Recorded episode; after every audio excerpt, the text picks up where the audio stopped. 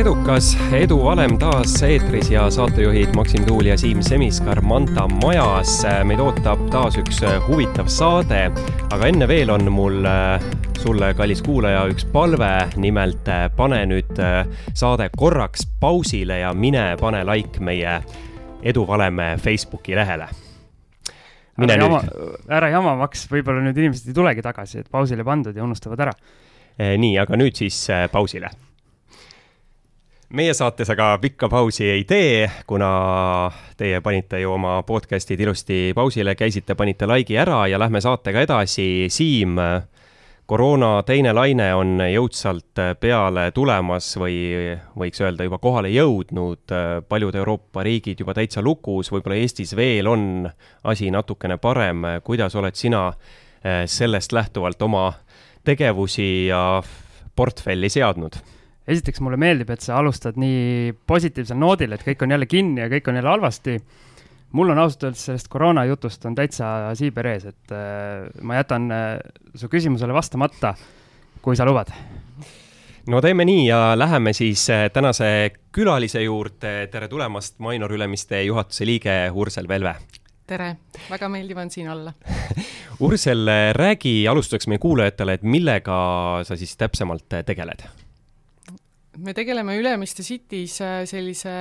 äh, keskkonna loomisega, kus äh, talendid saavad õnnestuda, et et äh, Ülo Pärnits kunagi lõi Ülemiste City endisele Dvigateli tööstusalas, alale just sellepärast, et Eesti talendid ei peaks Eestist ära minema ja välismaal talendid tahaksid äh, siia tulla. ja sellest äh, tulenevalt on meil tegelikult väga suur väljakutse luua siis sellist mõnusat keskkonda, mis aitab inimestel areneda tööalaselt, aga ka isiklikus elus ja võib-olla leida uusi kontakte, uusi võrgustikke ja, ja olla edukas Siim, see on vist meile, midagi meile, ma saan aru. et olla edukas nojah, et uued kontaktid, hea keskkond, väga hea. Ja, aga alguses oli juttu talentidest, et ma ei tea, kas me sinna kvalifitseerume kuidagi. Äh, no võib-olla, ma arvan, mingi, mingi talent on meil, meis ikka peidus. aga läheme nagu ikka meie saadetes ikkagi algusesse. algus ei ole meie saadetes külaliste puhul mitte sünd, vaid ütleme kooli lõpp ja selline töökarjääri algus või kui see oli ka kooli ajal, et räägi sellest jaa, kooli ajal ma suvel käisin tööl oma isa juures äh, kohvikus, kus ma siis äh, pakkusin hommikusööke, nii et pidin ka väga vara ärkama ja kell neli-viis ja, ja hakkasin siis äh, lauda katma. Aga tegelikult ütleme, sellist tööalast tõsisemat karjääri või, või ütleme, tööteekond hakkas mul siis sellises väikses ettevõttes nagu installatsioonikompanii et kui ma Tallinnasse tulin, siis tegelikult selline Saaremaa tüdrukul Tallinnas tööd leida oli väga-väga raske, ma ikkagi saatsin ma ei tea, kui palju CV-sid posti teel, paljudel ei tulnud kunagi mingit vastust, paljudel tuli vastus ja, ja tegelikult see Saaremaalt Tallinnasse tööle tulek oli keeruline, et, et siis oligi, läbi ema tekkisid tutvused ja üks Saaremaa päritolu ettevõte võttis mind siis tööle installatsioonikompaniisse, mis tegeles satelliit äh, pannid või, või ütleme, taldrikute paigaldamise ja selle poolega, et ja navigatsiooniseadmetega. et seal, sealt alguse sai ja alustasin siis lihtsalt sellisest sekretäri positsioonist. aga ma küsin vahele, enne kui Max siin edasi läheb, et äh, pikalt nüüd pealinnas olles, et kas sa pead ikka ennast saarlaseks, ma alati saarlaste käest küsin seda, et kas see identiteet ikkagi jääb nagu elu lõpuni? ma arvan, et ei pea, nüüd peab hiidlaseks jaa, Saaremaa on kahtlemata nagu väga südamelähedane koht ja, ja ikkagi ma pean ennast saarlaseks, kuigi minu ema on tegelikult Tallinnast ka pärit, et, et ma olen niisugune nii-öelda poolsaarlane. aga,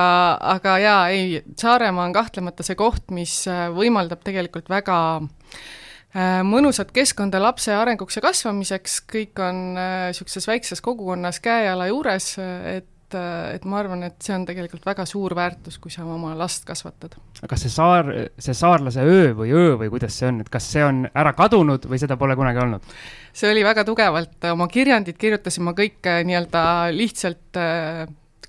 loogakesega, sellepärast et ma ei suutnud vahet teha, kas on täppide või kriipsuga, siis kui ma Tallinnasse tööle tulin, siis ma küsisin tavaliselt kolleegidelt, et kas see sõna käib täppide või kriipsuga, noh nüüd on juba nagu selgeks saanud, et see kirjapilt kuidagi, et aga aeg-ajalt ikka tekib seda küsimust ja aeg-ajalt tekib nagu hääldamises ka ikkagi segadus, aga, aga pigem vähem Maks, nüüd võid edasi minna. aga sul on õnneks olnud võimalus äh, päris palju, ma saan aru, tööd teha ka inglise keeles, et seal õõdi ei ole jah, see on küll tõesti aga Tallinnasse tulekuga, kui hakkas töö, et siis äh, jätkasid ka tegelikult äh, ülikooli õpinguid, vastab tõele? jaa, et kuna meie perekond ei olnud väga jõukas ja ma teadsin, et ma pean ise suutma hakkama saada majanduslikult õpingute ajal, siis tõesti otsustasin minna Estonian Business School'i õhtuõppesse, nii et kolm korda nädalas käisin õhtuti koolis kella kuuest üheksani ja siis päeval tegin tööd, et et selline õppimine ja töötamine on läbi mu elu olnud äh, päris selline kuidagi käivad käsikäes, et, et sellist traditsioonilist tudengielu kahjuks ei ole saanud elada, aga ma loodan, et mu lastel on see võimalus. aga mida sa seal õppisid BES-is? Äh, ärijuhtimist. ja pärast seda õpingud said läbi, siis äh, mis olid järgmised sammud äh, karjääriredelil? jaa, vahepeal ma jõudsin tegelikult äh, töötada ka juba õpingute ajal Keskerakonnas, tundma, õppida tundma poliitikat ja sa, sain aru, et tegelikult tol hetkel see poliitika ei olnud nagu minu jaoks, et ma tahtsin mõnes muus sektoris ennast teostada ja jõudsin IT jaemüügiärisse, et et, et siis oligi, lõpetasin ülikooli ja tegelikult umbes samal ajal vahetasin ka tööd ja sektorit, et äh, IT jaemüügis, et, et sealt siis selline esimene kokkupuude tehnoloogiaga ja, ja sealt sai ka alguse selline tehnoloogia armastus või, või kirg selle vastu. ja õppisid siis, ütleme, seda tehnoloogia valdkonda nii-öelda töö käigus? Jaa, see oli täiesti uskumatu, et äh, kui ma õppisin äh, printeritel, plotteritel ja sellistel asjadel vahe tegemist, et mulle anti mingid kataloogid, kus ma siis pidin õppima ja siis äh, täiesti alguses oli selline kosmos. aga õnneks olid kolleegid nii toetavad ja arusaavad ja, ja pigem, kui mind sinna tööle võeti, siis ei vaadatudki minu nii-öelda teadmisi selles valdkonnas, vaid nii-öelda ellu suhtumist ja, ja seda teotahet Sa... ja ma olen väga tänulik tegelikult sellele inimesele, kes mind sinna tööle võttis. kas sa ise hiljem tööandjana oled ka eh, hinnanud pigem siis seda nii-öelda ellusuhtumist, teotahet ja neid omadusi? jaa, et äh, kui me vaatame Mainar Ülemiste tiimi, kes, äh, Mainar Ülemiste on tegelikult ju kinnisvaraarendusettevõte, ja kui palju siis selles äh, kinnisvaraarendusettevõttes on kinnisvara taustaga inimesi, siis neid on põhimõtteliselt peaaegu null. et meil on keskkonnatehnoloogia, siis meil on seal, ongi tehnoloogia taustaga inimesi, et et tegelikult need sektorid, kust inimesed on kokku tulnud, on, on väga erinevad ja, ja me näeme, et see rikastab tegelikult, et see toob uut vaadet sinna sellesse ettevõtmisesse kuulsid, Siim, et äh, meil on tegelikult päris head lootused, sest meil on nagu väike, väike kinnisvarataust on juba olemas. no ma mõtlesin, et äh, uut vaadet on vaja aga läheme veel edasi nagu selles mõttes, et äh, siis sa jõudsidki sellesse nii-öelda tehnoloogiasektorisse, siin vist need mõned ametikohad vahepeal ja töökohad veel vahetusid, aga oli see kaks tuhat kuus, kui äh, Samsung Eesti juhiks said, et räägi, kuidas see toimus? see toimus tegelikult põnevalt, et ma kandideerisin äh, tõesti, kui eelmine äh, Samsung Eesti juht läks ära, siis ta soovitas, et mina võiksin kandideerida sinna positsioonile, ma kandideerisin ja tol ajal otsustati või kogu nii-öelda Baltikumi juhtimine toimus Ukrainas. ja Ukrainas oli siis igas regioonis on siis Korea, juht, kes siis otsustab äh, selle regiooni arengu osas ja siis see Korea juht otsustas, et äh, tegelikult naisterahvas ei peaks äh, sellel positsioonil olema. aga siis, ja siis ma kandideerisin IBM-i ja, ja, ja sain sinna, aga tegelikult et äh, see, see nägemus, kuidas ja mismoodi ma tahaksin Samsung Eestit edasi arendada, et see oli mus endas nii tugev, et ma olin selle ju ära kirjeldanud äh, sellele koreaalasest juhile ja ma, ja ma päriselt tahtsin seda ellu viia ja ja õnneks äh, juhtus siis see, et Baltikumi organisatsiooni arendati edasi ja tuli hoopis Korea juht siia Baltikumi organisatsiooni ja tema otsustas, et naine võib siis olla Eesti juht. Ja, või, või olla see inimene ja siis, äh, siis nad kutsusid mind tegelikult uuesti tagasi ja, ja ma saingi siis äh, Samsungisse ja sain oma ideid ja mõtteid äh, hakata ellu viima. Mul on selline küsimus, et kas enne Samsungi minekut olid sa iPhone'i inimene ja siis pidid nagu ümber? tead, siis ei olnud ju veel nutitelefone, et, et et äh, see kas niisugune aeg on ka olnud kunagi? Et äh, ma mõtlen, mis telefon mul oli, kui ma Samsungisse läksin, ei, mul oli ikkagi Samsung, aga, aga see oli nuppudega telefon, et äh, siis olid need Voldig telefonid äh, populaarsed ja sellised asjad, et et nutitelefon tuli ikkagi siis, kui ma juba Samsungis olin. ma mõtlesin, et nuppudega telefoni tegi ainult Nokia ei, Samsung tegi ka ikkagi, Samsungil olid väga populaarsed äh, sellised telefonid, et, äh, et äh, ta tuli niisuguse uudse disainiga, oli niisugune hõbedane ja niisugune nagu naistele vist väga meeldis, oli niisugune nagu niisuguse mm, lapiku kivikujuga, et et niisuguseid toredaid telefone on läbi aja olnud võimalik kasutada. aga ma eeldan, et pärast oled sa ikkagi Samsungile truuks jäänud ähm,? Või... No, siiski kui ma Samsungist ära tulin, siis peale seda tegelikult äh, mul ikkagi, kuna Apple'i edu on paratamatult väga suur globaalselt, siis äh, ma ikkagi tahtsin testida seda teist platvormi ka, et äh, ma ütlen, et see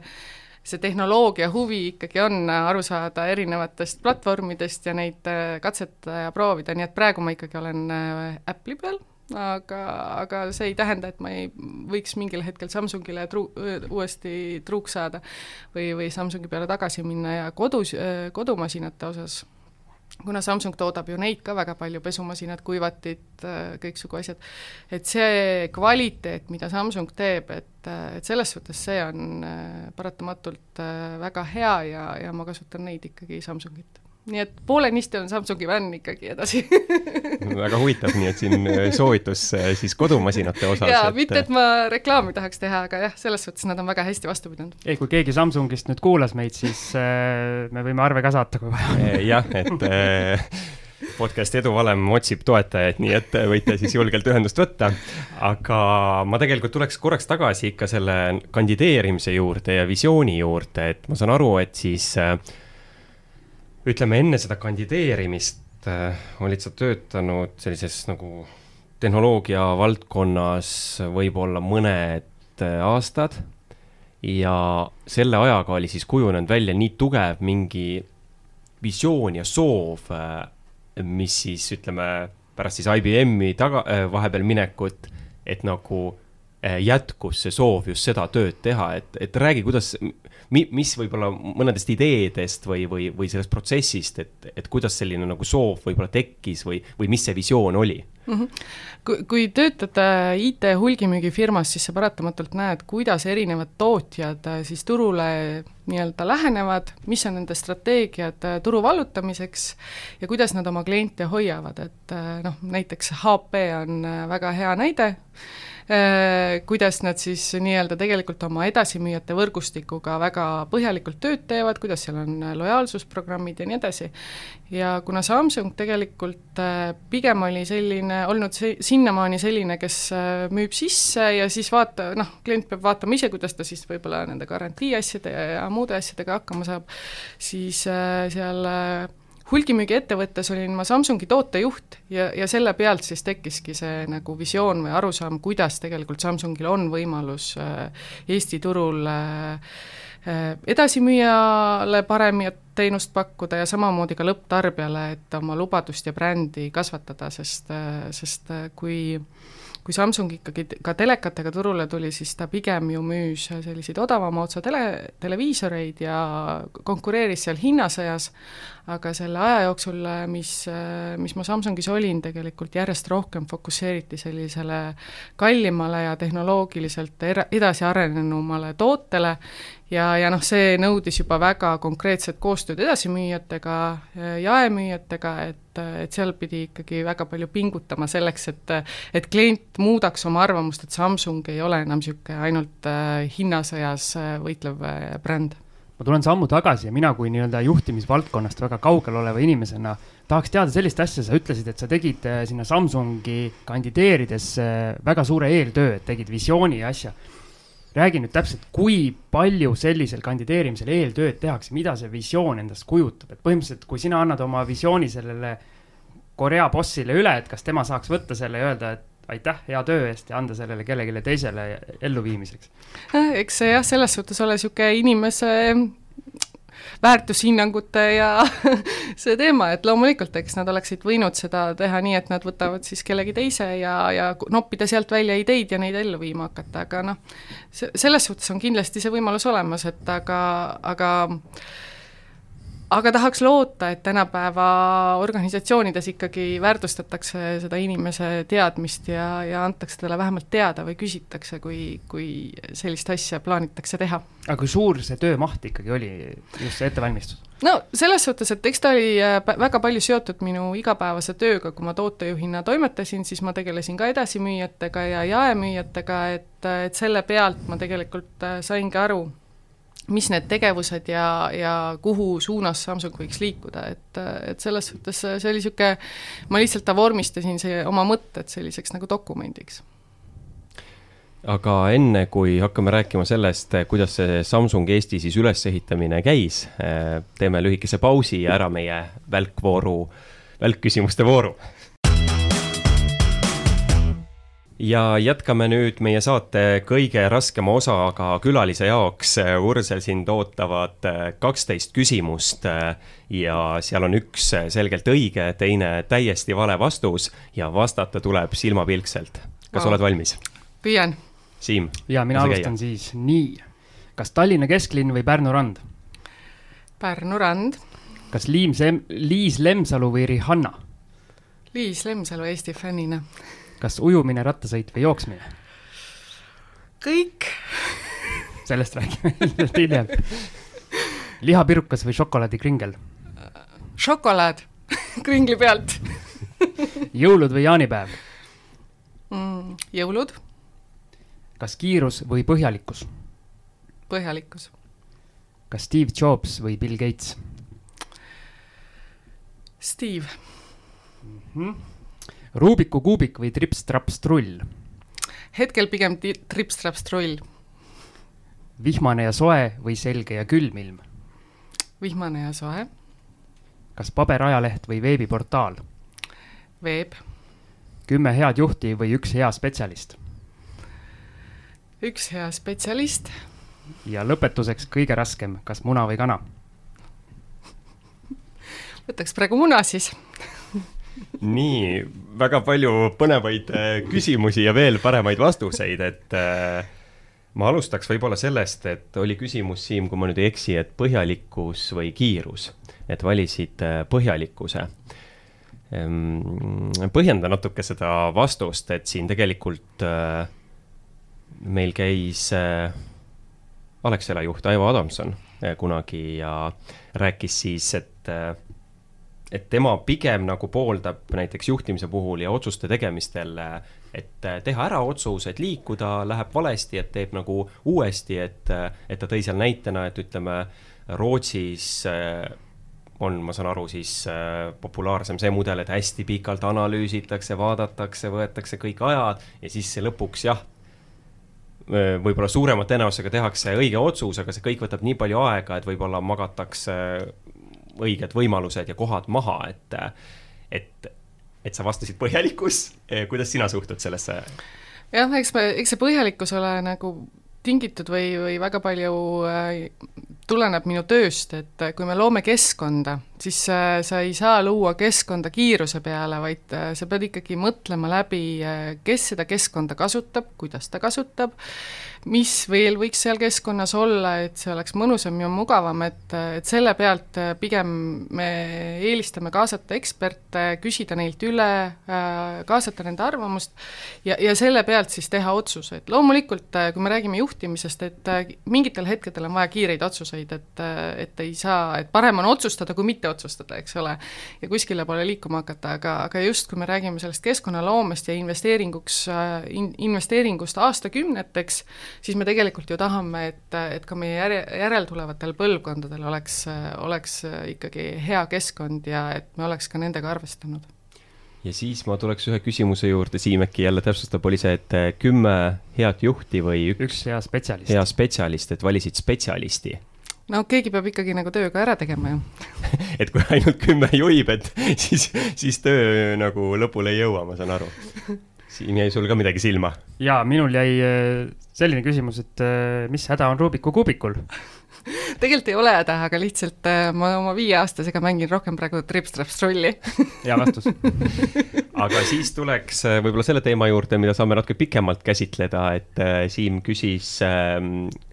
ujumine, rattasõit või jooksmine, et äh, vastasid kõik äh,. sellel on üks hea põhjus. jah, et äh, juba kümme aastat harrastan triatloni ja, ja see on kuidagi saanud minu kireks ja ma ei suuda sealt rattast kuidagi maha tulla. Aga kas, kas, kas sa lihtsalt hakkasid mingi hetk tegema või, või on sul, ütleme siis lapsepõlvest ühe või kahe ala selline põhi olemas? ei ole tegelikult, et lapsepõlves ma tegelesin rühmvõimlemisega, ehk siis äh, üldse mitte vastupidavusala, aga kunagi suvel sattusin, äh, ma arvan, et sellest on oma, ma ei tea, viisteist aastat, sattusin Otepääle, kui seal oli üks Otepää triatlon, ma ei, ma isegi ei mäleta, mis selle võistluse nimi oli, et äh,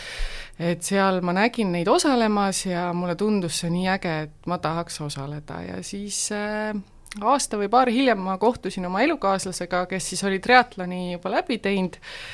ja siis me kuidagi otsustasime, et lähme proovime uuesti Otepääl teha ja siis, kui Otepää oli tehtud ja need Eesti rattamaratonid ja sari ka tehtud, mida Samsung tol hetkel sponsoreeris, et siis mõtlesime, et noh, et aga millised eesmärgid siis eh, võiksid järgmise aasta, järgmisel aastal olla ja siis otsustasimegi, et paneme ennast täispikale triatlonile Ironmani sarjas kirja kui sulle meeldivad kõik need kolm ala seal, aga mis on eh, su isiklikul arvamusel kõige tugevam nendest? Ja mis kõige nõrgem siis ka? no kõige nõrgem on jooksmine, et äh, ikkagi jooksma ei ole veel õppinud. Tundub nagu kõige ebaloogilisem vastus üldse.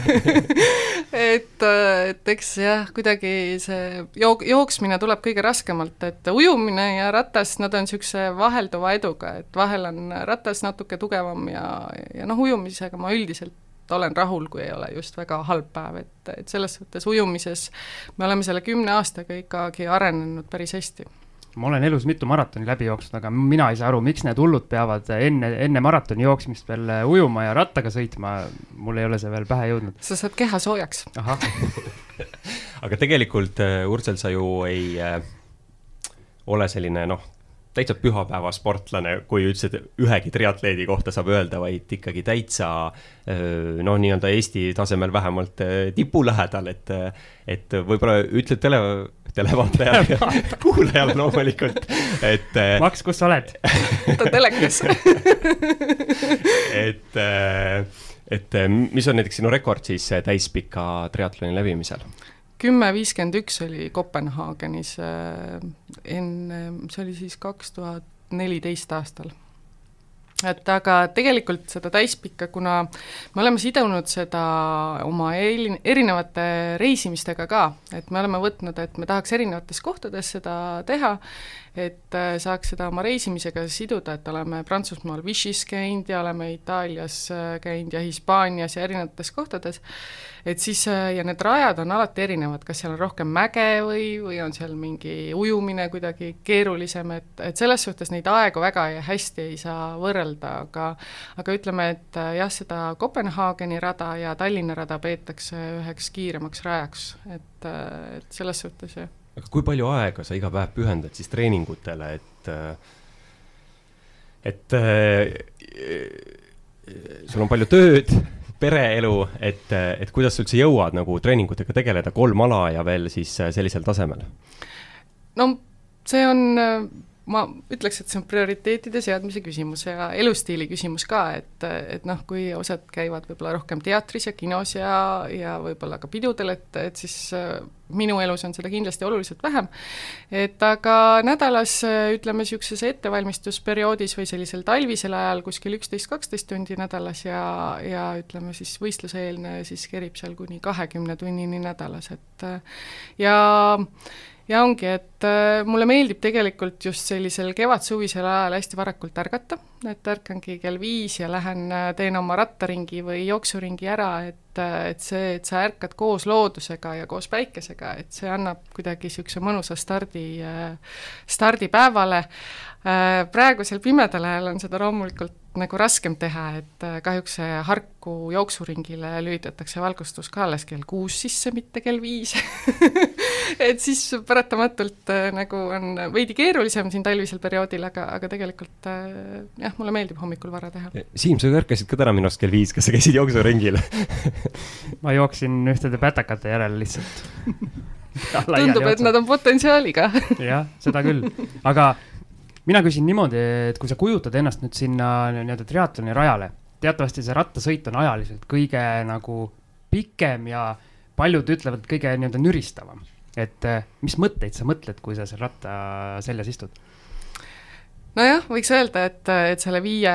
või viie poole tunniga, et sa jõuad nagu nii palju mõtteid mõelda, aga tegelikult äh, üks asi ongi see, et sa mõtled sellele, et sa korrapäraselt sööksid, jooksid, sest äh, kui, kui ei söö, ei joo, siis ei jaksa lõpuni äh, vastu pidada, sest iga, ütleme, viieteist minuti tagant sa jood, iga poole tunni tagant sa sööd laias laastus, äh, ja siis vaatad oma kaasportlasi, et noh, Tallinnas on selles suhtes nagu väga tore, et siin on nii palju oma enda klubilasi, kes on ka rajal ja tuttavaid ja ergutajaid, et et see kindlasti nagu on niisugune mõnus vaheldus ja, ja noh, vahel ikkagi jõuad mõne enda mõtte ka mõelda, et siin üle-eelmine aasta, kui ma Tallinnas kukkusin rattarajale puhtalt oma nii-öelda lohakusest ja, ja sain oma õlaliigese rebendi, aga ma ikkagi otsustasin nagu rattaga sõita, sest ma ju ei teadnud, et mul see õlaliigese rebend on, ma otsustasin, et ma proovin, et jätkan. siis ma mõtlesin äh, selle peale, et, äh, et ma tegelikult tahan seda ikkagi lõpuni teha, sest ma olen nii palju oma pereaega ka ohverdanud selle jaoks, et, et siin olla ja seda teha. et jah, niisugused erinevad mõtted on ja siis üks küsimus veel, et äh, kui sa ütlesid, et jooksmine tuleb siis kõige raskemat või et mis see nii-öelda maratoni, puhas maratoni aeg sul on, kui sa ütled, et sa oled nii-öelda kehv jooksja, ma tegin nüüd äh, neid jutumärke televaatajad et mis see puhas maratoni aeg on, et me saaks siis võrrelda ka, kes siis äh, on kehv jooksja, kes ei ole? no ikkagi äh, alla nelja tunni ma ei ole, mul ei ole õnnestunud joosta. see on siis võistluse sees või? ja ma ei olegi nüüd maratoni ilma Ironmanita üldse teinudki, et ma olen poolmaratoni tegin nüüd äh, sügisel Tartus ja seal,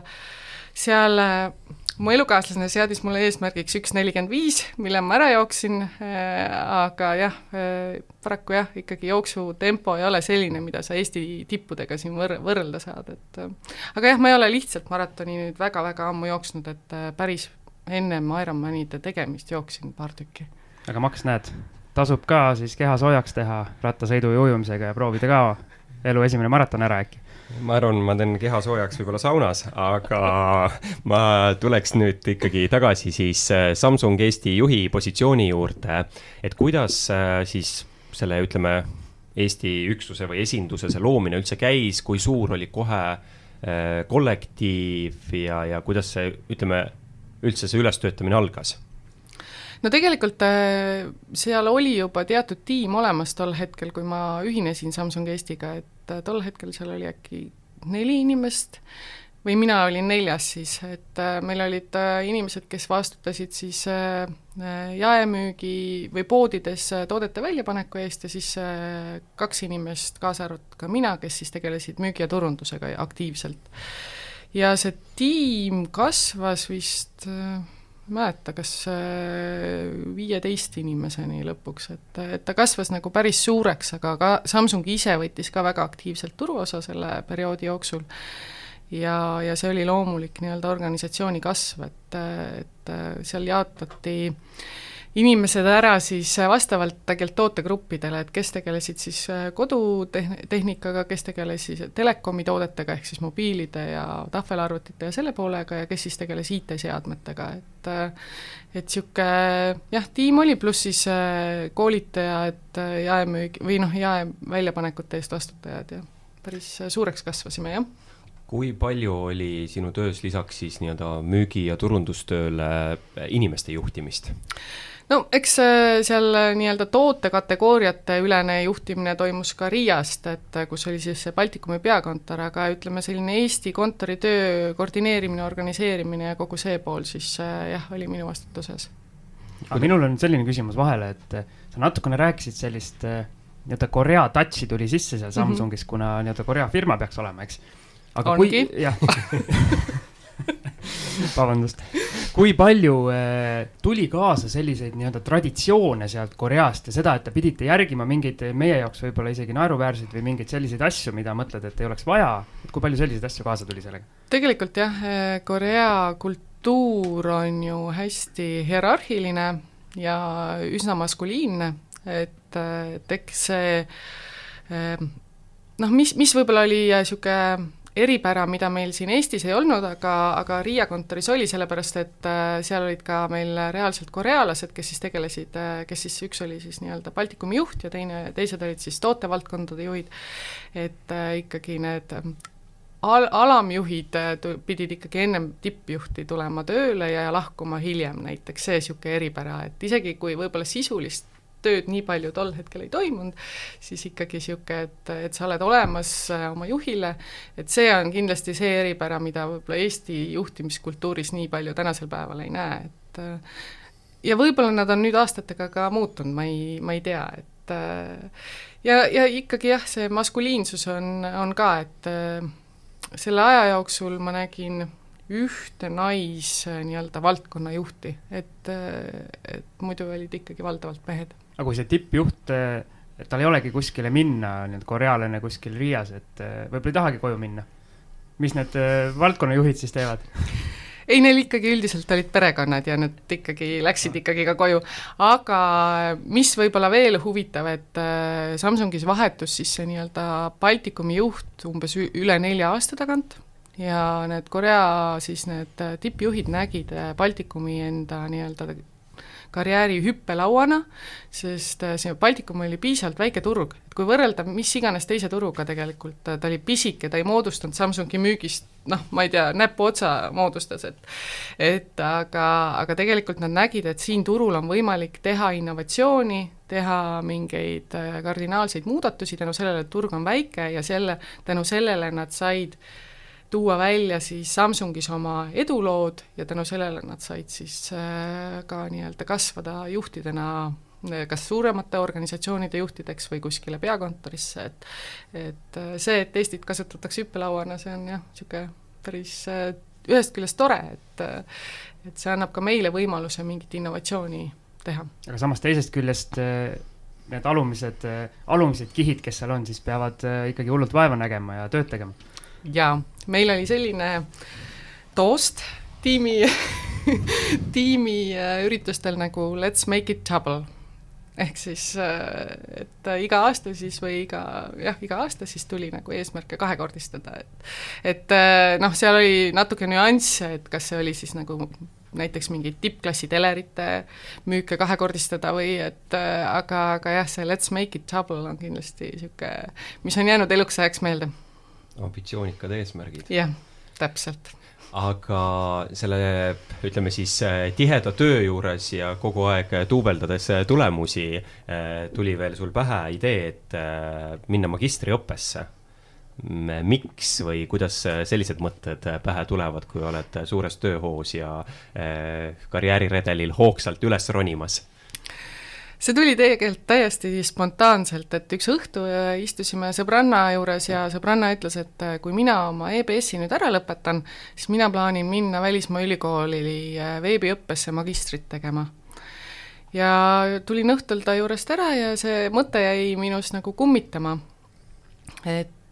ja siis ma hakkasin otsima välismaa ülikoole, kus siis saaks veebiõppes magistriprogrammi läbida ja jõudsin Liverpooli ülikooli juurde, et et, et seal oli selline programm nagu globaalne marketing või turundus, et ja siis äh, otsustasin, kandideerisin ja, ja võeti vastu ja siis hakkasin õppima aga see oli äh, põnev äh, aeg, sellepärast et et seal ei olnud ju ühtegi füüsilist tundi. Et, et kui me siin nüüd räägime koroona ajast ja sellest, kuidas õppeasutused lähevad üle veebiõppele, siis tegelikult see aeg peaaegu kümme aastat tagasi vist juba, et äh, see oli minu jaoks täiesti niisugune uus lähenemine, meil ei olnud tegelikult ühtegi kontrolltööd, meil oli puhtalt selline artiklite lugemine, raamatute lugemine, analüüs, äh, koostöö teiste üliõpilastega, kogemuste jagamine. et see oli minu jaoks niisugune tunne, et vau, äge, et tegelikult nagu ei peagi teste tuupima, et asjadest nagu aru saada, et äh, ja jah aga kuidas siis... jätkus endal, ütleme siis ikkagi motivatsiooni seal siis kõike seda teha, et ikka inimestele tasa, ta, tasa, tavaliselt meeldib, et keegi ikka utsitab natukene tagant? no mul vist see sisemine utsitus on nii, nii tugev, et et seal olidki õppemoodulid olid kaheksanädalased ja siis äh, õppemoodulite vahel sa tegelikult võisid võtta pausi, kui sa tahad. aga kuna mul ikkagi eesmärk oli äh, mitte lasta seda kuidagi äh, pikaks, seda õppeprotsessi, siis ma tegin need suhteliselt järjest ära ja, ja jah lõpetasin äh, lühema ajaga, kui ma olin esialgu rahaliselt planeerinud, sest ma olin teinud nagu maksegraafiku ka sinna ülikooli ja kuidas ma neile maksin seda õppetasu, et äh, siis äh, lõppmakse lihtsalt tuli suurem aga jaa, ma, mul nagu selles suhtes vist ei ole vaja niisugust välist utsitust, et et pigem see, see motivatsioon tulebki seestpoolt teada saada uusi asju ja, ja uusi kogemusi ja noh, ega ta selles suhtes kerge ei olnud, et kell üheksa panin lapse magama või kümme ja siis hakkasin ise õppima ja siis õppisid ühe, ühe-kaheni ja siis jälle hommikul tööle ja ja vahepeal noh, siis tol ajal ma nii aktiivselt veel trenni ei teinud, et äh, treeningud tulid veidi hiljem. nii et see on siis veel äh, üks komponent, mis ma usun, on ka eelnevatest saadetest võib-olla läbi jooksnud, aga nüüd tuli veel tugevalt esile, et selline ikkagi sisemine soov ja põlemine midagi teha, et ei pea et kui inimest tuleb vedada, et siis tavaliselt on tal arvatavasti ka raske ikkagi edukaks saada. jah, ja, ja, ja kes siis, kel-, kelle sisemine põlemine siis on, et kui, kui teda vedada tuleb, et vedaja. Just, täpselt. Esimene õige vastus mul siin saates. Aga läheme aastasse kaks tuhat neliteist, kui ma ei eksi, sai see Samsung äh, Eesti juhi enne positsioon siis äh, või, või töö seal äh, läbi, et äh, räägi natukene sellest protsessist, et miks lõpetasid seal, mis olid uued väljakutsed? tegelikult ma olin juba umbes aasta mõelnud selle peale, et, et võiks liikuda edasi, võiks areneda, võiks vaata, vaadata midagi muud äh,, mõtlesin ka nagu IT-sektori peale, aga seal ei tundunud selliseid nii-öelda arengukohti. Ja siis oligi, et kevadel, äh, kui Samsung, tegelikult ma lõpus tegelesin ka haridusinnovatsiooniga. Ja Samsung äh, püüdis väga palju siis seda digiharidusse panustada. Äh, aga kuna tekkisid seal sellised koondamised ja restruktureerimised, siis äh, tegelikult see haridusinnovatsiooni osa kadus ära ja, ja siis äh, saigi minu teekond ka otsa, sest kogu selle Samsungi aja jooksul lisaks sellele, et see nii-öelda maajuhi roll oli, oli ka tegelikult sisuline müügi või, või mingite muude tegevuste roll, et et paralleelselt ikkagi ainult ei juhtinud, vaid tegin ka tööd, sisulist tööd. et Äh, ja siis, äh, siis ma mõtlesingi, et võtan suve vabaks, vaatan, naudin naudin elu mõtlen, mis ma oma eluga peale hakkan. ja, ja noh, siis äh, tegelikult juba tulidki erinevad nii-öelda need headhunting või personaliotsingu firmad ja hakkasid kutsuma mind ka konkurssidele, et, et aga ma olin otsustanud, et ma ennem sügist ikkagi ei lähe, et et naudin suve päris äh, hea otsus, isegi tahaks äh, suve nautida, aga mulle tegelikult jäi kõrva, ütlesid siin äh, mitu korda, et otsisid selliseid arengukohti ja rääkisime juba sellisest sinu õpihimust ka, et kui oluliseks seda pead, et kui meie saate nimi siin endiselt on eduvalem, siis edukuse puhul sellist soovi areneda? ma arvan, et kui sa ei soovi areneda, siis see on nii-öelda paigalseis või teatud mõttes juba tagasiminek, sest kui teised kõik ees edasi arenevad, siis, siis paigalseis paratamatult jätab su teistest maha, et et see jah, arengu või, või kasvamise soov on, on ikkagi väga tugev ja ma arvan, et see omab rolli selles nii ed-, edukuse või noh, kui, kuidas me seda edukust nimetame, aga just inimese arengus ja edenemises aga teeme nüüd veel lühikese pausi ja siis räägikski sellest, eh, mis on sinu edu taga. ja oleme jõudnud saate viimase osa juurde. Ursel, katkestasime seal kohal korraks saate, kus hakkasime siis rääkima, et sinu edu alusest, võtmetest, et kui ma küsikski kohe niimoodi otse, et mis sa arvad, mis on sind toonud äh, siis äh, tänasesse päeva sellele positsioonile, kus sa oled, ehk siis äh, mis on sinu edu aluseks olnud? jah, selles suhtes see on väga hea küsimus, et ja, ja kui me küsime sellest positsiooni kohta, siis kas ja kui oluline on see positsioon versus siis see sisemine soov ja põlemine midagi nagu ära teha ja ühiskonda panustada, et et ma arvan, et ongi see sisemine või, või soov avastada kogu aeg midagi uut, õppida midagi uut ja, ja ma arvan, et läbi selle ma olengi jõudnud siia, kus ma olen tänasel päeval. Mul on selline küsimus, et ma alati, no mitte alati, vaid kui meil see sisemine motivatsioon siin külalistega jutuks tuleb, siis ma üritan, üritan teada saada, et kas seda on võimalik kuidagi inimesele endal nagu tõsta ka, et ma tahaks, et mul oleks rohkem sisemist motivatsiooni, mida ma tegema pean. Tegelikult ma käisin sel aastal niisuguses Fontese mentorprogrammis ja, ja seal me kasutasime sellist tööriista nagu eluratas ja, ja seal sa said elurattal määrata ära siis, millised asjad on su elus nii-öelda hästi, millised ei ole hästi. Ja, ja kui nad ei ole hästi, siis miks nad ei ole hästi. ja sealt tegelikult tulevad välja need teemad, et, et miks sa miks sul mingites valdkondades näiteks sisemist motivatsiooni piisavalt ei ole, kas sellega on ebamugav tegeleda see toob su mugavustsoonist välja ja sa ei taha seda või, või mingi muu põhjus, et et ma arvan, et siis tulekski enda sisse vaadata, et kas see siis ei ole hetkel piisavalt tähtis sinu jaoks, et sa ei tegele selle teemaga või et kui ta on tähtis, siis kuidas siis on need sammud, et sa sinna tegemisteni jõuad, ehk siis sellise uue rutiinini, et teatud hetkedel on see, et noh, ma ei tea, toome näiteks jooksma, jo-, jooksma minemine, on ju, et sa väga-väga tahad seda maratoni joosta, aga senikaua, kuni sul ei teki rutiini, et sa lähedki kolm korda nädalas näiteks jooksma, siis äh, ikkagi sinna, sinna jõudmine on väga keeruline. Et äh, ma arvan, et, äh, et sellised nagu enda elu läbi mõtestamise tööriistad, on see siis mõne mentoriga või, või, või lihtsalt mõne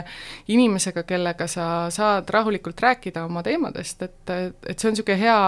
peegeldamise vorm, et äh, siis äh, läbi selle võib-olla leiad ka oma selle põlemise teema ja, ja motivatsiooni teema paremini ülesse.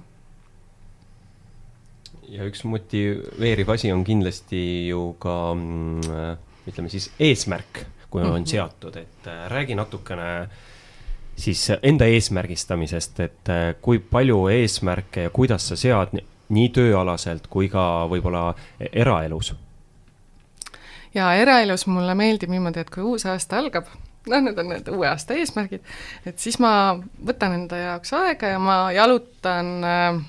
kuskil metsas või, või kuskil looduses ja, ja mõtestan siis, et mis need uue aasta eesmärgid võiksid olla äh,. ausalt öeldes ma nendega nagu igapäevaselt otseselt ei tegele, nad on mul kuskil kuklas, aga, aga niisugust nagu väga struktureeritud tegevust või plaani nendega ei ole. et äh, aga osadega on ka, et noh, et kui me ikkagi räägime, et äh, Ironmanis teha oma isiklik rekord, et noh, siis ma ikkagi nagu igapäevaselt ju teen trenni ka et aga, aga jah, ongi, et siis on mõnedega ma tegelen rohkem, mõnedega vähem ja tegelikult ongi tõenäoliselt see mõistlikkuse piir, et sa ikkagi ei saa endale kümneid eesmärke panna, vaid sa saad võib-olla pannagi mõned ja siis nendega tegeleda. Et äh, jah, niisugust aasta alguses ma tavaliselt mõtlen enda jaoks läbi, aga tööalaselt äh, ikkagi nagu oluliselt tihedamini, et, äh, et siis äh, me mõtestame organisatsiooniga koos eesmärke, sealt edasi siis minu konkreetsed mingid tegevusasjad, et et seda tuleb ikkagi väga-väga palju ette. Aga tegelikult mul tuli nüüd üks mõte ja tuleks tagasi veel selle motivatsiooni juurde, et et üks asi on ju analüüsida ennast äh, ja, ja siis, äh, et leida seda motivatsiooni, muuta tegevusi ja nii edasi, aga tihti ütleme näiteks, kui me räägime töökollektiivist, siis on ikkagi see meeskond ja kui ikkagi äh, noh, meeskond surub või tapab seda motivatsiooni kogu aeg, et kas siis ainuke lahendus on ikkagi see, et vahetada meeskonda ehk lahkuda sellest meeskonnast või sa näed ka teisi lahendusi? no kui äh, vot see on huvitav situatsioon, mul ei olegi nagu väga olnud seda situatsiooni, et noh, kui me räägime Mainor Ülemistest, siis Mainor Ülemiste tegelikult äh, iga aasta viib läbi oma töötajatega Happy Me äh, sellise arenguvestluse ja sealt me pigem püüame aru saada, et mis on need inimeste takistajad, mis takistavad neil sajaprotsendiliselt ennast tööl teostada ja sealt pealt äh, me püüame aru saada, et kuidas siis meie juhtidena saaksime siis äh, neid takistusi teatud mõttes eemaldada või, või mis me ette peame võtma, et Äh, ja noh, kuna me oleme ka eesmärgid ju ühtselt nii-öelda seadnud ja läbi vaielnud, siis seda, et keegi tuleks ja takistaks otseselt mingite eesmärkide elluviimist, sest me oleme need ühiselt ju tiimina võtnud, et siis seda ma ei olegi tähele pannud, et ma arvan, et tegelikult äh, üks oluline võtmesõna on siin inimeste kaasamine et kui inimesed on tegelikult äh, algusest või, või vähemalt kuskilt keskpaigast kaasatud ja nad näevad, et see on ka nende mõte või nende idee ja nemad saavad sinna panustada, et siis seda, seda koos tegemise rõõmu on kindlasti rohkem kui see, et tuleb mõni juht ja ütleb, et nüüd ma otsustasin nii ja nüüd me teeme nii ja nüüd nii peab olema tehtud. et, et ma arvan, et see kaasamine ja koos tegemine on need äh, märksõnad Maks, see oli nii ilus jutt, aga ma ütlen sulle, kuidas tegelikult on, vaata, sa oled sporti teinud, sa tead, et eh, kui meeskonnas midagi halvasti läheb, siis vahetatakse välja juht ehk siis treener. aga mina ütleks, et jah, et eh, see oli nii ilus jutt, et eh, lausa tahtis hakata pisar silma tulema, et sellise eluterve organisatsiooni kirjeldus, et ja ma saan aru, et siis Mainor Ülemistes see reaalselt toimub, et, et mina olen nii palju ikkagi käinud ka erinevatel juhtimiskoolitustel ja lugenud äh, tarku raamatuid ja igal pool nagu kirjeldatakse neid ilusaid tegevusi, aga siis oled äh, reaalses töökeskkonnas ja me ikka ja jälle ju jõuame sinna, et äh, ma üldistan kindlasti, aga et paljudes organisatsioonides on ikkagi keegi direktor, kes siis otsustab, teeb ja nii edasi, et sellist nagu kaasamist ega siis ka juhi poolt, nagu sa väga tabavalt ütlesid et juhi üheks ülesandeks on siis võimaldada töötajale teha oma tööd võimalikult hästi. et mina olen ka nagu alati mõelnud äh, sellele, äh, sellest ühe, kui ühest kõige olulisemast üldse juhi ülesandest et äh, jah, ega siit nagu jätkuküsimust ei olegi, vaid võib-olla läheks edasi veel. minul on üks jätkuküsimus, et ma toon jälle ühe spordiparalleeli või siis korvpalliparalleeli, seal öeldakse, et kui sul on nii-öelda hea meeskond või head mängijad, et siis hea juhi või hea treener tunneb selle järgi ära, et ta lihtsalt laseb nendel tegutseda ja ei sekku liiga palju või oskab õigel ajal öelda nii-öelda, et ma lihtsalt vaatan, kuidas asi toimub. kas juhtimises on sama? Jaa, ma arvan küll, sellepärast et äh, kui sa ei anna inimestele võimalust teha otsuseid ja vastutada, siis, äh, siis see ei ole ka see nende asi, mida nad teevad, vaata, et, et neil peab olema ikkagi see oma tegevus, oma asi, mille eest nad näevad, et nad saavad vastutada. Ja, ja siis nad on kindlasti nagu äh, kaasamõtlemise ja, ja arendamise altimad kui see, et et, et nad lihtsalt pannakse mingit rolli täitma, mingit liigutust tegema, et, et noh, ma arvan, et me kõik inimestena tahame, et, et meid väärtustatakse ja meie mõtteid kuulatakse ja meie ideid nagu arvestatakse. ühesõnaga, selline mikromanageerimine on nii-öelda juhi, juhi surm nii-öelda jah, jah, teatud äh, situatsioonides tõenäoliselt seda tuleb ette igas organisatsioonis, aga, aga pigem jah, et usaldada oma inimesi, sest äh, miks sa oled need inimesed valinud, kui sa ei usalda neid. et, äh, et ma arvan, et äh, see usalduse teema organisatsioonis on tegelikult äh, ääretult oluline. aga selle usalduse koha pealt, ma ei mäleta nüüd, kellelt ma seda siin küsisin, aga ka mõnelt juhilt kindlasti, et kui sul on olukord selline, et sa pead tööle võtma mingile ametikohale ühe inimese ja sul on kaks väga head valikut, aga need valikud on sellised, et üks on suurepärane spetsialist, aga inimesena so-so või natukene ei klapi nagu või noh, sa nagu tunned, et tal on midagi, mis ei sobi. teine on niisugune keskpärane oma valdkonnas, aga teie klapp on suurepärane ja inimesena on ta suurepärane jah, eks meil ole ka olnud olukordi, kus me oleme ikkagi peale katse lõppu öelnud inimesele, et paraku noh, meie noh, ta, ei sobitu organisatsiooni ja me peame nagu e-, eri teed minema, et, et pigem me eelistame inimest, kes sobitub äh, meie väärtustega ja tal on sarnased, äh, sarnane maailmanägemine. ja me näeme, et äh, kui ta on äh, senini õppinud edukalt oma karjääri või tööelu jooksul, et siis ta on ka võimeline edasi õppima, et kui tal see õppimise soov on olemas, siis, siis ta saab alati juurde õppida seda oskust või teadmist, mis tal on siis töö tegemiseks vaja, et pigem me hindamegi inimeses äh, seda tiimi, äh, tiimi rolli äh, noh, nii-öelda tiimi rolli, et kuidas ta siia meie tiimi sobitub. See nii-öelda suund on minu meelest siin saates hästi tihti üles tulnud, et kui sa oled nii-öelda hea inimene ja sobitud, sobitud meeskonda ja oled meeskonnamängija, siis sul on kõik uksed lõpuks valla. eks see käib vist tänapäeva nii-öelda üldse ajastu kohta, et kus maailm muutub nii kiiresti, et niikuinii inimene peab õppima kogu aeg uusi oskusi juurde, et siis ei olegi vahet, et noh, et kus sa praegu oled nendega, et niikuinii varsti asjad muutuvad ja tuleb õppida uusi asju. jube raske maailm aga ma tahtsin enne minna ikkagi juba eh, natukene ka aja planeerimise juurde, et eh, teed siin sporti kõvasti, pereelu vajab elamist, eh, tööd on palju, et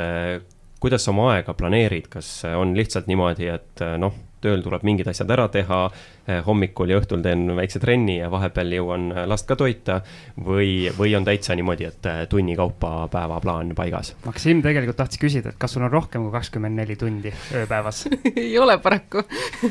ja tegelikult minu elus on nagu hea uni omab väga suurt väärtust, et et äh, ma leian, et, äh, et kui inimene on välja puhanud, siis ta kindlasti suudab nagu oluliselt rohkem panustada, ükskõik, on see siis äh, sport või, või töö, et meie pere läheb väga varakult magama kell kümme õhtul see võimaldab ka kell viis hommikul või kell kuus hommikul tõusta. aga tulles aja planeerimise juurde, siis äh, jah, et üldiselt on kalendris sellised juba ette teada mingid koosolekud ja sellised teemad, ja tihtipeale muidugi lendab sinna väga palju spontaanselt erinevaid asju sisse ja vahel ongi niimoodi, et sa päev läbi istud koosolekutel ja mõtled, et aga millal ma siis tööd teen mitte, et koosolekutel istumine ei ole töö tegemine, aga, aga lihtsalt ütleme, seda sisu või lau-, laua taga istumist, süvenemist, lugemist äh, on ka vaja teha. et äh, siis ma olen tõesti võtnud lihtsalt kalendris planeerinud mingeid aegu, et ma saan tegeleda selle mõtte ja ja arendustegevusega, et äh, et ega ega kui, kui me toome uuesti tee, lauale selle jutu nii-öelda õppimisest ja arendamisest, siis äh, kui ma Mainar Ülemistes tagasi läksin peale lapsehoolduspuhkust, siis me leppisime juhi Margusega kokku, et ma tegelen kinnisvaraarendustega aga nüüd, nüüd on koostöös meie emaettevõtte Mainor AS-iga kasvanud ülikoolidega koostöö ja erinevad äh, uued nii-öelda innovatsiooniprojektid nii suureks, et, äh, et tegelikult äh, ma oma kinnisvaraarenduse asjad olen andnud üle kolleegile, kelle me suvel kutsusime tiimi. Ja, ja ja ma tegelen teemadega nagu tehisintellekt, äh, linna planeerimine nii-öelda pikas vaates, linnamudelite loomine, ehk siis selline teema, mis on äh, täiesti niisugune minu jaoks täiesti uus, ehk siis ma pean ise väga palju lugema, õppima, aru saama, millest ma räägin. Et äh, et see nõuab paratamatult aega ja süvenemist, et, et siis ma olengi pannud kalendrisse endale aegu lihtsalt, et, et mul on aega ennast nii-öelda ka harida on sul äh, selline aeg ka enda jaoks, et kus sa lihtsalt viskad diivanile, ma ei tea, paned telekast mingi rannamaja ja ei mõtle mitte millegi peale, lihtsalt, äh, lihtsalt oled, kas sa vajad sellist aega ja kas sa võtad sellist aega? jaa, ma vajan seda aega. et äh, see kõige tihedamini tuleb ette reede õhtuti või, või laupäeva või laupäeva õhtuti, et, et siis ma tõesti pikutan diivanil ja, ja lasen nii-öelda elul voolata. et reede õhtul on mul ka niisugune mõnus traditsioon, et meil on linnakus väga hea massöör, et ma käin veel tööpäeva lõpus massööri juurest läbi ja siis on minu jaoks nädalavahetus. et äh, jaa, ma vajan seda aega ja, ja ma võtan seda aega huvitaval kombel äh, on äh, Rannamaja käinud meie saatest läbi. Rannamaja ma ei ole küll kunagi vaadanud. Väga palju kordi ja väga hea, et sa seda ütlesid, sest ma tahtsingi mainida, et mitte keegi ei ole kunagi vaadanud. Aga vähemalt teatakse, et see saade on olemas, et selles see on hea turundus ju. Äh, jah, seda küll, jah. või no mõnes mõttes võib-olla ei ole ka hea, et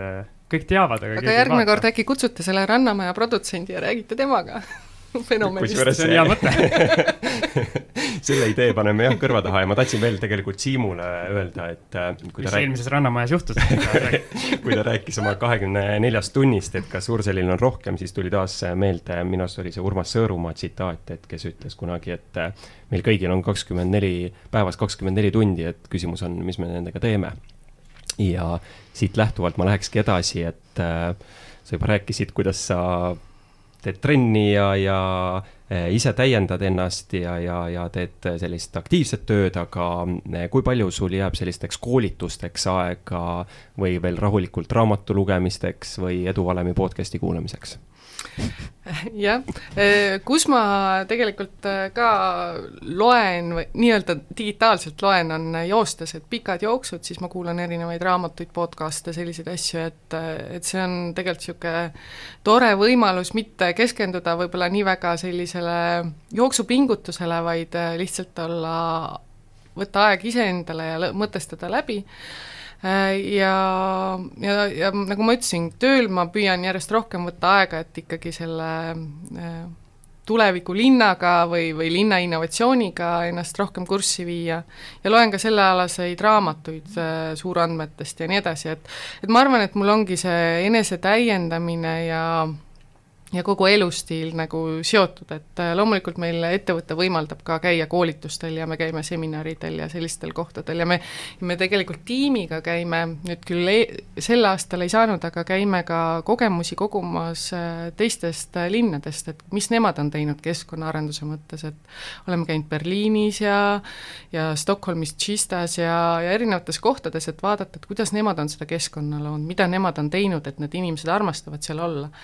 et, et noh, on ka niisuguseid nii-öelda õppe, õppetrippe või õppereise mul on selline küsimus, et eh, kas juba on või millal saab Ülemiste nii-öelda Tallinna keskuseks, et millal see nii-öelda kesklinn nagu nii-öelda sinna nihkub? Äh, tegelikult kui lugeda Tallinna kaks tuhat kaks, kolmkümmend viis arengustrateegiat, siis neil ei olegi eesmärk äh, linnakeskust nihutada, vaid äh, luua erinevaid linna nii-öelda keskuseid või linna niisuguseid tuiksooni või tugipunkte ja noh, ma arvan, et kuna Ülemistes käib igapäevaselt tööl umbes kaksteist tuhat inimest, siis, siis ta paratamatult niisugune tööelu mõttes on see, see linnakeskus juba olemas. aga kui me räägime sellest vabast ajast ja niisama häng-, nii-öelda hängimisest või olemisest, on ju. Et, et siis seal meil on kindlasti arenguruumi ja, ja kui me räägime ka tegelikult nüüd siis sellisest turismikeskusest, et kui Rail Baltica terminal ikkagi tuleb siin äh, peale kaks tuhat kahtekümmend viite, et siis, äh, siis tegelikult ta saab väga-väga oluliseks logistikakeskuseks ju Tallinna ja Eesti mõistes tervikuna. Et kõik need teemad on meil igapäevaselt laual, et, et kuidas see kasvav äh, kasvav keskus siis ka keskkonnana oleks äh, mõnus. Aga me vaikselt hakkame saadet kokku tõmbama, kuna minu siin paremal käel on äh, sellise portaali nagu rahajutud.ee peatoimetaja Siimu näol, siis äh, küsiks siia lõppu ka palju sa tegeled investeerimisega? palju sa palkad seda ma ei hakka küsima, aga, aga et palju sa tegeled investeerimisega, on sul mingi investeerimisportfell, millest see koosneb? Väga, väga süstemaatiliselt ei tegele, et äh, mul on natukene siis ühisrahastusplatvormidesse investeeritud äh,, olen ka investeerinud Mainor Ülemiste võlakirjadesse, et kuna ma ikkagi ise usun seda, mida me teeme ja seda, mida meie omanikud nii-öelda peavad heaks teha, et et, et siis olen ka võlakirjadesse investeerinud ja, ja noh, tegelikult ka siis nii-öelda niisugune oma elukondlik kinnisvara, et, et oleme siin katsetanud erinevaid linnapiirkondi, kus elada, nii et aga oleme ikkagi, saame aru, et oleme Nõmme fännid. Selge, ja siis on mul veel üks mina olen ka põline Nõmme fänn, nii et Väga ma küll ei ela siin enam, aga aga lihtsalt fännad? fännan, jah. aga siis äh, traditsiooniline lõpuküsimus mis on edu valem? ehk siis äh, kas sa oskaksid seda kuidagi kirjeldada või, või tuua välja mõned komponendid, mis kindlasti peavad seal eduvalemis sees olema? ma arvan, et äh, eduvalemis äh, võiks olla kindlasti avatus, avatus kõigele uuele, soov kasvada või mugavustsoonist välja tulla, ehk siis proovida ja katsetada midagi uut järjekindlus, need asjad, mis sa oled ikkagi endale eesmärgiks seadnud, äh, ära teha ja mitte allaandmine. ehk siis järjekindlus ja mitte allaandmine on teatud mõttes nagu sarnased, aga, aga aga kui sa saad ikkagi ükskord ei, siis, siis see ei pruugi olla see ei, et siis võib olla ka mingi hetk hea, et, et ma arvan, et need ja, ja ma arvan ka, et see väärtuste pool, et väärtustada neid kaasteelisi või neid inimesi, kellega koos sa seda teed, sest üksinda sa ei ole edukas. et äh, sa oled edukas selles äh, selles äh, keskkonnas, kus sa toimetad ja need inim-, teised inimesed, kui, kui te koos saate aru, et see teekond on mõlemale väärtuslik ja mõlemale annab midagi, et siis siis kindlasti teised inimesed aitavad kaasa ja sina saad teistele inimestele kaasa aidata, et ilusad ma... sõnad, mul ei ole midagi lisada. jah, et panemegi siia punkti ja ma tänan Ursel selle eh, lõbusa ja samas ka väga hariva vestluse eest. aitäh teile! ja kõikidele kuulajatele, mitte televaatajatele, ütlen veel kord, et eh, kui te ei kuulanud eh, minu sõna saate alguses, siis saate nüüd pärast saate lõppu minna veel Edu Valem Facebooki lehele pange like ja kui meil neid meeldimisi sinna või jälgijaid rohkem koguneb, siis saame kindlasti korraldada ka mingeid loosimismänge. aga kes veel ei tea, siis meie podcast endiselt leitav kõikides suuremates podcast'i äppides ja rahajutud.ee portaalis. jah, ja mina ütlen lõpetuseks, Max on nagu jõuluvana, kes juba neid kingitusi kogub ja, ja korjab, et siis ühel hetkel kõik need meie kuulajate vahel laiali loosida. on mul õigus? õigus. Kuulmiseni